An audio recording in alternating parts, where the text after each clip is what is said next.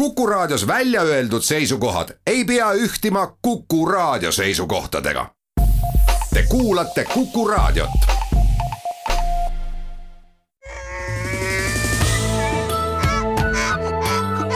loomult loom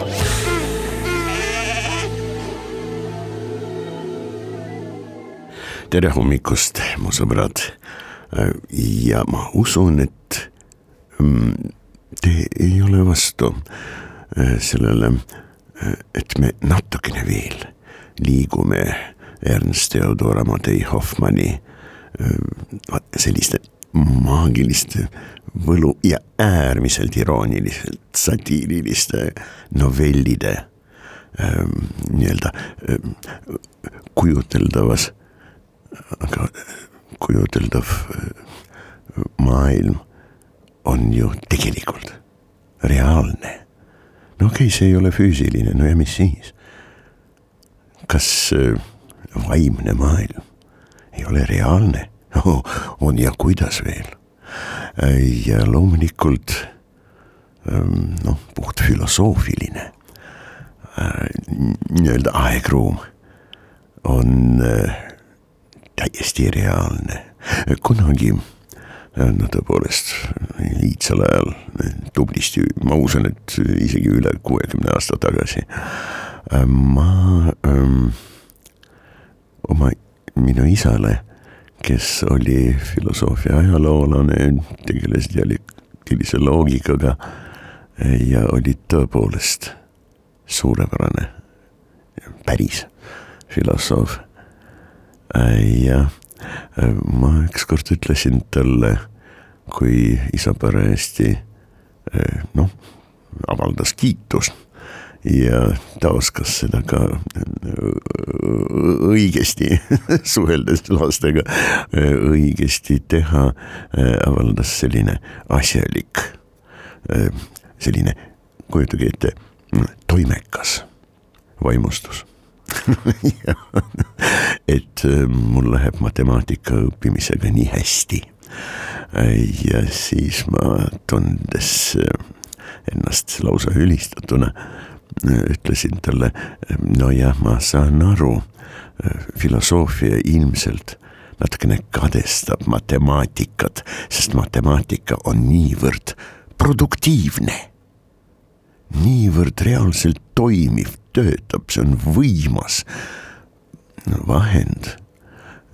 Ja no alus tegelikult ja just nimelt selline no operatsionaalne alus loodusteadustele ja loomulikult majandusele ja, ja kõikidele teistele asjadele, aga filosoofia ei ole ju nii efektiivne, nii äge nii-öelda oma kasulikkuse ja rakend-, just nimelt rakendatavuse poolest, kui seda on matemaatika. isa, isa vaatas mind siira imestusega ja loomulikult, loomulikult irooni-, irooniaga. ütles, oi mu kallis, kas sa tõesti ei saa aru, ei kujuta endale ette, kuivõrd efektiivne on filosoofia. kui ei saa, siis palun tuleta meelde. noh, aja, ajalooga sa oled ju, noh loomulikult ma ei tea, kümnenda, üheteistkümnenda klassi poiss, ajalooga sa ju oled mingil määral ähm, kursis. tuleta meelde Prantsuse revolutsiooni. see on filosoofia efektiivsuse ülivõimas näide. Ja õigus tal loomulikult ähm, on, äh, nii see tõesti on. Äh, nii et äh, jah, lähme nüüd vaata selliste, just nimelt selliste ähm, Hoffmanni novellide, kolm novelli tegelikult, minu lemmikud, aga noh teised on ka lemmikud, aga teistmoodi jah. ja, aga need on absoluutselt lemmikud, äh, mis tõepoolest ähm, äh, ilmselt ülivõimsalt mõjutasid hilisromantist ja romantikuid nii-öelda, kirjanikke ja loomulikult lugejaskonda no igas plaanis. kahtlemata loodusteadlasi, kahtlemata. Noh, ainult Venemaal ma tean täpselt nii Aleksei Severtsov kui ka Halatkovski, suured, suured teadlased. Ja kahtlemata ka, mitte mingit kahtlust ei ole, teadlased, kes on meie kandist pärit. Aleksander von Middendorf, suur zooloog. Ja kahtlemata von Ühekskyllid no lausa üksküllid nad ilmselt ei ole, nad on ühesküllid ja äh, nende aadli seis on pärit äh, Liivi äh, vürstide. Ja vastavalt nendel olid ka, ka lossid, aga kõige kuulsamad on loomulikult need ööksküllid kes äh, elasid, sündisid, elasid Eesti noh, alal, aladel. Ähm, kusjuures üks äh, proua, ma ei mäleta täpselt, kelle õde ta oli, ma usun, et äh, Jakob von Ükskülli, võib-olla ta oli tema tädi, ma lihtsalt ei mäleta, aga ta oli kindlasti ähm, von Üksküll, uuris ja üli täpselt, põhjalikult ja ulatuslikult äh, Kaukaasia, paljude Kaukaasia äh, rahvaste keeli. ja see on töö missugune no adõge grupi keeled, äh, siis vainahide, see on siis inguš, tšetšeen ja nii edasi, vainahi vennaskonna keelte omapära, issand Gruusia keel on täiesti omaette, armeenia keel. Seda enamgi, üliürgne, eks ole, ähm, kirjakeel ja kuid äh, jah, Põhja ja, ja Ida-Kaukaasia äh, rahvaste, põlisrahvaste keelte uurimine. Oi, ma kujutan ette, et see oli ülikeeruline ja päris raske töö. no iga aus töö on tegelikult raske ja mingil määral mingis mõttes ja see asjaolu,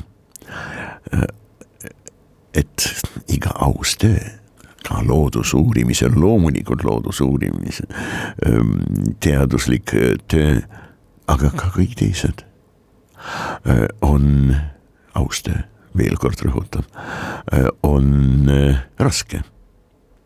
aga kes ütles, et peab olema kerge? vaadake, vot see on kindlalt äh, seotud ähm, suurepärase novelli, Hoffmanni novelli, Kleiner Zahes, genannt Zinnober, väike või, või Tillu Zahes kes noh, võttis endale uhke nime Zinnober, noh Zinnober on kinoväär. see on siis äh, elavhõbeda sulfiid, punane värv, erepunane Nobel-värv, seda kasutati loomulikult ähm, äh, no näiteks ähm, mineraalvärvide ähm, tegemiseks antiik- ja keskajal ja hiljem ka ja seda värvi kasutati, neid värve peamiselt kasutati ähm, vot nende äh, võimsate selliste no tõesti no üliomapäraste äärmiselt tähtsate märkide loomiseks. Nagu selleks on vapid. jah, noh, toomkirikus seintel. Ma mäletan lapsepõlvest saati olid kõikide meie äh, alade äh, parunite ja teiste aadlite äh, vapid ja issand, kui huvitavad nad olid, mida seal kõike ei olnud maalitud, joonistatud, vaat kus semiootika tuleb ja muidugi märgid, sümbolid. ja see kinover muidugi on üks tähtsamaid mineraalvärvide äh, aineid, no tõesti väga no noobelpunane värv jah, kuid äh, paraku selles novellis äh, on äh, üheks tegelaseks äh, loodusteaduste professor äh, härr äh, Mosk Törpin ja vot see Moss Törpin, no arvatavasti esimese ei mäleta juba kuidas seal rõhku tuleb asetada, Törpin ilmselt jah, vaevalt ta oli Törpin, aga võib-olla oli. noh, sõltub sellest, oli ta preislane idee kohaselt või Türingiast või Baierimaalt, aga no see selleks. igal juhul, see oli ülipopulaarne professor, kes äh, alati suutis seletada kõikidele tudengitele, bürgeritele, aadlikele ja mis on kõige tähtsam, võib-olla lihtrahvale, talupoegadele, millest tuleb rahe, torm, paduvihm, maavärin, maa või midagi niisugust ja mida sai väga lihtsalt, just nimelt väga lihtsalt ja otsekoheselt seletada see professor talurahvale. oli see, et mikspärast ja kuidasmoodi talurahvas on ise süüdi, et jäi saagist ilma. ja peab maksma vürstile selle eest. see tegelane novellis äh, on no võrreldud, aga ikkagi vastandatud siiski. kuigi ainult ja eranditult iroonilises plaanis juba mainitud päristeadlaste nimedega teise novelli tegelastele, kes on siis Anton van Leeuwenhoek ja Jaan Swammerdam. Nad on tõepoolest mikroskopistid ja nad tõepoolest novellis kirbude valitseja. tõepoolest on sellised noh, ülitargad maagid, teadlasteks. Neid ähm, äh, Löwenhöki ja Swammerdami äh, Hoffmann vot selles oma kirbude valitseja novellis ei nimeta. vahest mööda minnes, enamasti no, ülitargad, vot sellised maagid. no ütleme nii ega alkeemikutest nad kuigivõrd palju kaugemale jõudnud ei ole, vähemalt selle novelli seisukohalt. ja nad on mikroskopistid ja mikroskoobid, mida nad teevad ja kasutavad, on päris töövahendid, võimsad töövahendid, mis võimaldavad näha mikromaailma paljale silmale või lihtsalt prillidega relvastatud, varustatud silmadele nähtamatud maailmad. Äh, Mošterpin on hoopis midagi muud. selle väike Tsahesi novellis, tema on lihtsalt šarlatan. Äh, ja teda kui ülikooli tähtsad professorid Äh, seal ülistatakse loomulikult sarkastiliselt lausa taevani. novelli lõpuks selgub, et ta on, ei noh, ei taha head looma solvata, eks ole.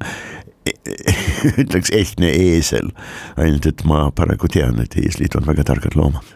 Okei. Okay., nüüd äh, vaadake, need kolm novelli, mis on mulle eriti kallid, on loomulikult Kuldne pott. Peategelane on siis äh, studioosus, tudeng muidugi äh,, Anselm ka äh, äh, Kleiner Zahes, väike äh, novellis on noh, peategelaseks, vähemalt positiivseks ja tõesti, kellele lugeja elab no tõesti südamest kaasa ja kes ikkagi jääb võitjaks äh, hirmsas, täiesti meeleheitlikus võitluses vot selle väikse äh, Tsahesiga, keda aitab üks äärmiselt hea soovlik, aga natukene liiga ekstsentriline, liiga emotsionaalne ja veidi kergemeelne Haldjas. Ehm, noh, sellest võib-olla paar sõna eh, veidi hiljem. Eh, Studiosus Anselm on peategelane ja tema mm, nii-öelda vaenlaseks, kes on tõepoolest talle mm, vastu, soovides talle omamoodi head, on üks kohutav nõid. ja Frau Rauerin ja nii et Kuldne pott, Kleiner Zahes ja kirpude valitseja ja et nad on nii-öelda programmiliselt ja temaatiliselt tähtsamad, mis loodusteadusse ja loodusfilosoofiasse puutub, eks ole, tähtsamad ähm, teosed äh, Hoffmannil ja vastavad raamatud, äh, mis on minu omad, eks ole, vot need konkreetsed raamatute eksemplarid on Arvo Valtoni definitsiooni kohaselt üliõnnelikud raamatud, sest Arvo ütles kindlalt ja ta on seda korduvalt öelnud, õnnelik raamat on see, mis on kapsaks loetud, teeme väikest pausi ja lähme edasi.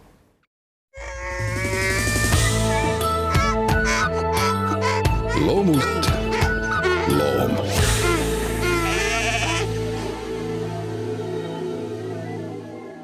kuldpotist, see on suur ja arvatavasti kõikidele väga hästi teada novell ähm,. ma, aeg on ju piiratud. Ja lõppude lõpuks mul on järjekorras väga palju täiesti reaalseid ja konkreetseid loomaliike, kellega ma vahepeal olen suhelnud ja olen kohanud ja kellest olen lugenud ja kellest inimesed on mulle rääkinud mis on kõige huvitavam tegelikult. Aga paraku äh,, paraku äh, kuldne pott äh, sellest raamatust, me ei räägi ainult maininud nii palju, tuletan meelde, kes on studioosus Anselmi abiline ja võimas abiline. looduse harmoonia ja looduse no absoluutse ähm, nii-öelda holismi ülalpidaja, kehtestaja, uurija. see on arhivaarius Lindhorst, kes kunagi oli suur tule vaim, salamander. iidsetel aegadel, kui omavahel suhtlesid ja teineteist mõjutasid ja teineteisega tegid koostööd ja eksisteerisid aktiivses koostöös, koos eksisteerisid, noh nagu terviklikult. mineraalid, taimed, loomad, vaimud, stiihiad ja kõik teised maailma asjad. vaat selline oli see salamander, kes jah, tegi patu omal ajal pattu langemine on väga tähtis moment, sest ainult puhas headus ehk siis absoluutne ja ühtlane valgus paraku eluga no ei ole seostatav. pimedus kuidagimoodi no peab eksisteerima. oi, see on väga huvitav, väga huvitav ähm, Äh, uurida äh, ettekujutuste heast ja kurjast ühest küljest, valgusest ja pimedusest, peaaegu et samast küljest. Ja ka maailma noh, positiivsest ja negatiivsest polaarsusest. Ähm,. ma väga soovitan äh, natukene tutvuda või miks natukene? Põhjalikult uurida seda, mis asi on kabbala. Hebra keeles kabbala tähendab arvutamine, arve või arvutamine. nii et kui te ei ole Iisraelis käinud ja näiteks lähete sinna, no ma ei tea, turistina äh, restoranis kui te olete söönud või seal hotellis, siis teile esitakse kabala või kabala arve, rehkendamine. aga kabala äh, algallikate juures on äär, äärmiselt huvitav kontseptsioon äh, inimese loomises äh,. esimene inimene, loodud inimene ei olnud üldse mitte mullast, punasest Eedemi aia äh, mullast, üldse mitte. ta oli loodud valgusest ja tema nimi oli Adam Kadmon. mis edasi sai, sellest loomulikult me ei hakka praegu rääkima ei ole mingit vajadust, kuid paraku valgus ja pimedus, positiivsus ja negatiivsus, polaarsus on äärmiselt tähtis absoluutselt igas mütoloogias, igas filosoofias ja iga, no vähemalt inimese hingeelus. ja mitte ainult hingeelus, elus üldse. Paraku, nii et äh, salamander tegi pattu. Äh, ja kustus ära. kuid äh, vürst fosfor, valgus, kõikide vaimude suurim valitseja, kes karistas salamandrit selle noh, vot sellise jah, sund taandumisega. Oli armuline. Ja ta andis vot selle salamandrile mitte just armuks, vaid andis talle võimaluse saada taas võimsaks tule ja valguse vaimude vürstiks või ma ei tea, seal mingisuguseks valitsejaks ähm,. tingimusel, et äh, kõige noh, väike kodanik, kõige labastunud, inimkonna labastunud äh, elu ja ettekujutuste ajastul äh, ärkab taas aktiivsesse ellu see salamander võtab inimese kuju ja omadused, säilitades oma võluvõimeid. ja tal sünnib kolm tütart, kes esinevad ähm, kuldroheliste madudena, kolm kuldrohelist madu, äh, kel on sinised silmad ja kui leiduvad poeetilise hingega ja loodusega harmoonilises kooskõlas elavad, mõtlevad ja noh, tunnetavad äh, noormeest, kes abielluvad, kes on seda väärt, et abielluda Lindhorsti ehk siis salamandri tütretega. vaat siis pääseb oma arhivaarius Lindhorsti äh, salaarhivaarius, väga kõrge amet üheksateistkümnenda sajandi alguses ja Saksamaa riikides.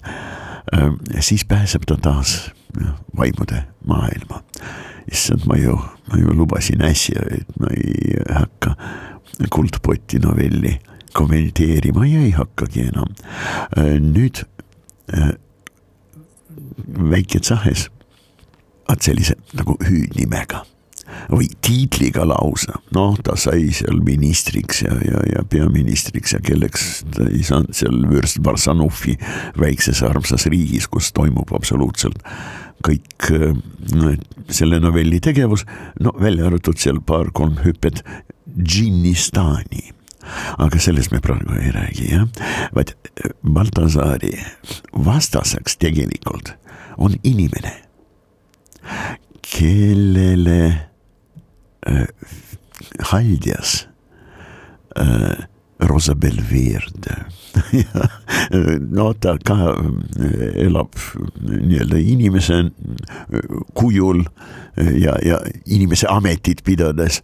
Ja siis tema nimi on kanonisse von Rosenschön. aga tegelikult ta on haldjas ja võimas maailma kuulsamaid haldjaid, Rosa Belverde temal lilled on roosid, valged ja eriti punased.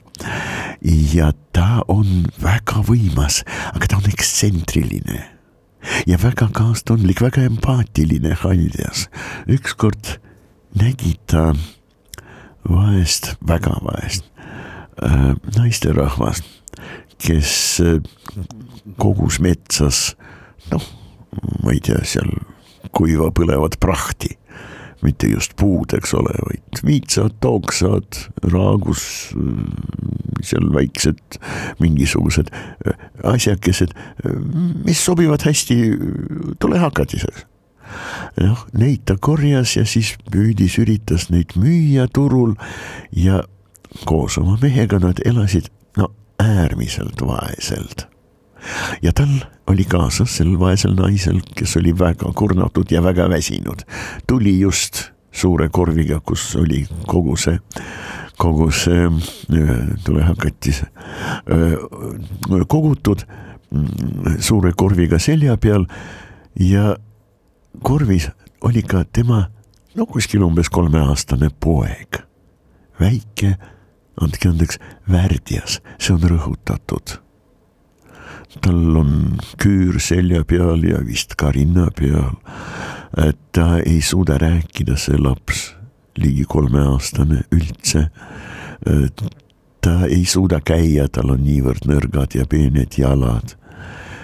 ja noh, väga õnnetu väike inimene. ja vaene naine, noh, ta kukkus oma raske korvi ja seal on veel see eh, laps ka tal, eks ole, ehm, koorma all hakkas nutma ja nutis ja, ja jäi siiski magama.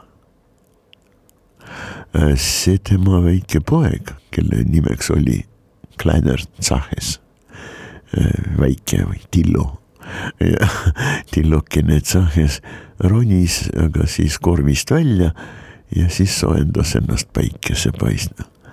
ja siis nägi seda stseeni Haljas Roosapilveerde. ja selline väga empaatiline, Haljas nagu ta oli, suurepärane inimene, aga veidi ekstsentriline nii-öelda jah. tal hakkas niivõrd kahju sellest vaesest naisest tema lapsest ja sellest olukorrast. et ta otsustas aidata, ta oli noh, Teo Haldjas, Teo inimesena ja elas ja võlus siin maailmas. kohe asja juurde. ta sai aru, Haldjas ju, ta sai kohe aru, et sellele naisele ja tema mehele rikkus ei ole määratud. mida nad ka ei teeks, milliseid nad kord leidsid, kuldmünte, nõjavargad viisid need ära mida nad ka ei teeks, eks ole, rikkaks nad päris kindlasti ei saa. saatus on teistsugune, kuid inimlikult ja enam-vähem heal järjel elada ei ole ju võimatu siiski ka selliste inimeste jaoks, kelle rikkus määratud ei ole no peab see tingimata määratud olema. ja, ja, aga Haljas otsustas aidata äh, vot seda vaest naist ja muidugi seda pisikest õnnetut väikest olevust. ja nüüd äh, mängu tuleb Hoffmanni poolt äh, võetud kaasatud väga levinud lausa võlumuinasjuttude Euroopas võlumuinastused rändsužee saatana kolmest tulipunasest või kuldsest juuksekarvast, mis annavad ülisuurt võimu ja jõudu. Äh, selliseid, saatan ei ole siin mainitud, üldse kristlusega ei ole mitte mingit, noh, vähemalt jutu sees, äh, seost kogu sellel lool. Äh, Hoffmann oli katoliiklane ja ilmselt küllaltki tulihingeline, kuid tal on teoseid ja mitte vähe, kus on äh, kristluse temaatika võimsalt kaasatud, kasvõi tema suur-suur romaan Saatana eliksiirid. hiilgav teos aga ei ole lihtne lugeda ja okei okay,, aga see selleks. nii et sellest ja teistest sellistest noh, võlunovellidest tegelikult kristluse teema praktiliselt on puutumata. no kui natukene midagi on, siis mainitud lihtsalt kalendaarselt. jah, no ülestõusmise pühana ajal seal läheb Anselm kuskile jalutama. nii et see Haldjas kes loomulikult on hea haldjas. saatanaga no ei ole mitte mingisugust seost. välja arvatud vot seesama võimas vahend. Kusjuures ei ole mainitud, et see on kuidagimoodi saatana käest saadud. sellest ei ole juttu absoluutselt ja minu jaoks on väga tähtis. nii et see haldjas, ta on looduse haldjas, loob sellele väikesele värdjale, Sahesile lokki ja muudab üldse oma võlu juustekammi abiga. Tema juuksed imekauniteks, sellisteks jah, kuldse särega kastanpruuni, pruuniks, selliseks soenguks jah logiseks soenguks.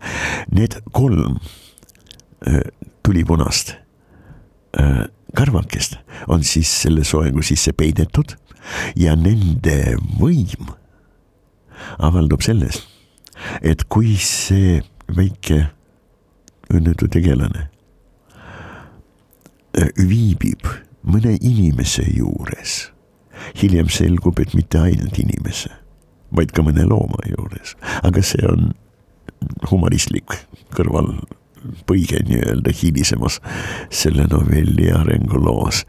nii et kui see Zahes viibib parajasti mõne inimese juures, kes näeb suurepärane välja, ütleb midagi tarka ja toredat või teeb midagi hästi, siis kõik teised inimesed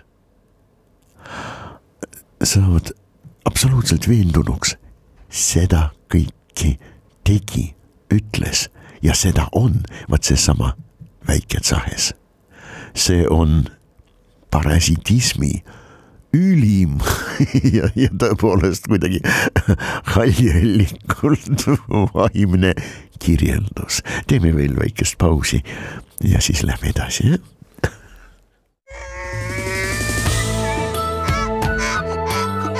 loomult loom.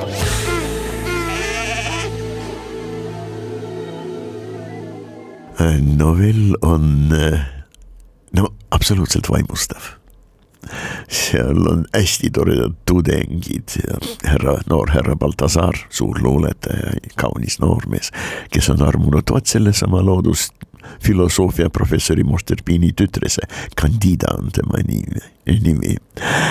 ja novelli, no edasi ümber jutustada loomulikult ma ei saa, no lausa ei tohi, ei ole ka vajadust. tähtis on, mis on selle terve selle suurepärase loo ähm, nii-öelda loodusesse või jah, reaalse loodusliku maailma kui tervikliku maailma suhtumise pilt nendes novellides, noh, pilt, noh, praktiliselt tõesti ähm, autori Hoffmanni suhtumine see ei ole üldse lihtne. aga see on väga kindel sealjuures. Ähm, professor Mosterbin on ju praktiliselt šarlatan. aga muidugi ühiskondlikult väga kõrgel järjel.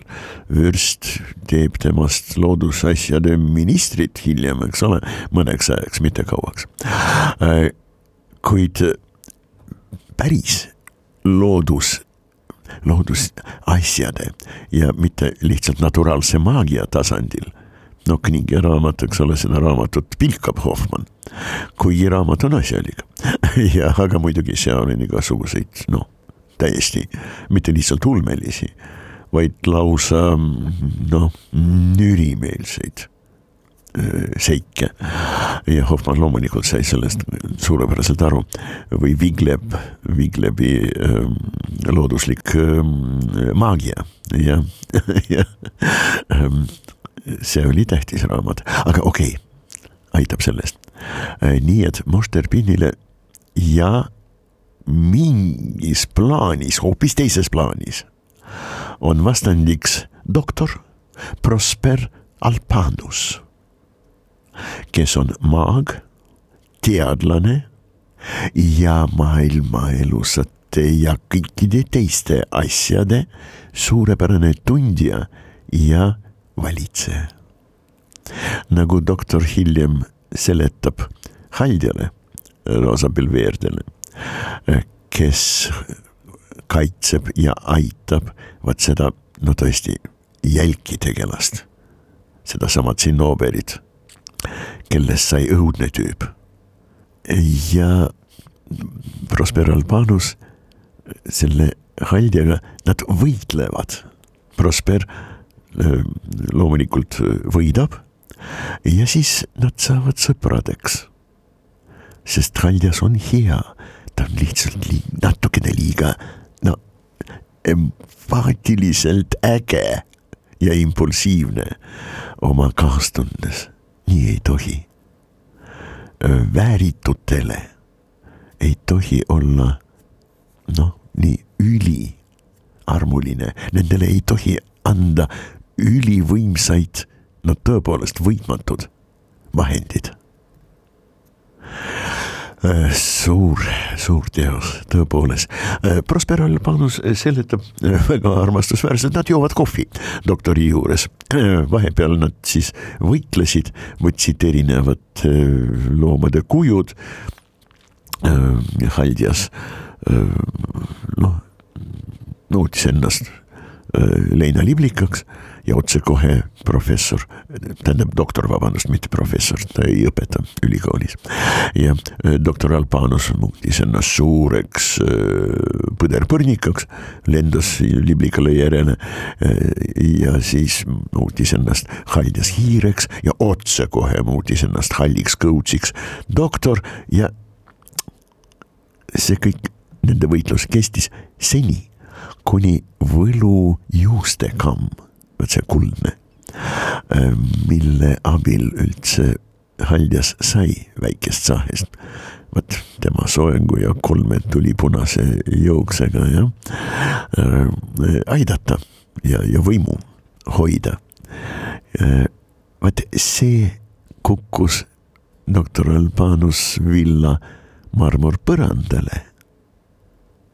ja põrand oli ka võlu, läks katki ja otsekohe nad võtsid jälle inimeste kujud, joovad jälle kohvi ja vestlevad. ja siis selgus, et tegelikult doktor omal ajal äh, päästis äh, Haldja võlu arsenali ja Haldjat ennast äh, nii-öelda valgustuse mm, hirmsa möllu eest no, no ei saa tervet novelli ümber jutustada, aga see on nii teravmeelne okei okay., mis siis äh, paraku selgus. Mm, doktor ei ole haldjas, ta on inimene, aga tema tudengina veetis paar-kolmsada aastat äh, Egiptuse püramiidide sees, seal on siis maagiline ja päris looduslike nii-öelda nähtuste, oskuste ja noh, olemuse õppimise ülikool, kus õppejõuks oli professor Zaratustra, Zoroaster äh,. nagu doktor äh, Haldjale ütleb äh,, vana toriseja kes aga oli fantastiliste teadmistega. ja põrgulikult suured olid professor Zaratustra teadmised. nii et paraku äh, doktor on vaat teadlane, vaat selles kõige õigemas mõttes. ta on tegelikult vastandatud, aga lihtsalt koomiliselt Mošterpinile. Sellele lobamokale, eks ole. ja loomulikult mingit võitlust Mošterpiniga seal ei ole, millega, kellega sa võitled. see on ju tühi koht, see on ju tõepoolest seebimull. selline nii-öelda loodusteaduste peal parasiteeriv tegelane, terve see lugu on minu jaoks parasitismist, aga väga-väga mitmeplaaniliselt nüüd kujutage ette äh,, kuivõrd äh, huvitav süžeeline areng on selles novellis äh,. peategelased, vot need maagilised, suured, võimsad, on mõlemad üllad. nii Haldias oma võluvõimetega ja oma kaastundliku empaatilise hingega. kui ka doktor Albanus, kes on Baltasari noh, mitte lihtsalt toetaja, tegelikult päästja ja kogu selle olukorra lahendaja lõppude lõpuks jah. Nad on mõlemad ülipositiivsed, ometi oma protežeede kaudu nad on vastandatud. sest Haldja protežee on väike tsahes. üliegoistlik ja tõepoolest noh no, inimhingede peal parasiteeriv tegelane. Ja doktor Albanuse protežee on tõesti üllas, tubli, tore, armas äh, tudeng Baltasar. jah, ähm, noh, aitab nüüd sellest. nüüd mul on tõepoolest otse tee kirbude valitseja novelli juurde, kus on meil teadlasteks või targad ja maagid nad on seal, Löwenhõk ja Swammerdam, mikroskopistid. aga nad on päris mikroskopistid ja nad tõepoolest uurivad loodust ja teavad väga palju ja oskavad ka väga palju ja ometi selle novelli kontekstis nad on looduse vägistajad. Nad on noh, teadlased, kes suhtuvad oma uurimisobjekti ja selleks on terve looduslik maailm äh, röövellikult väga huvitav mõte, ilmselt midagi niisugust, vähemalt hinges ja, ja, ja, ja meeles. Nii äh, Löwenhockel kui ka Swammerdamil ega kellelgi teisel nendest teadlastest, kellest me rääkisime nüüd hiljuti, midagi ei olnud, selge see. miks siis Hoffmann neid sedasi kirjeldab ja nad on väga koomilised, aga päris tõsised tegelased sealjuures jah.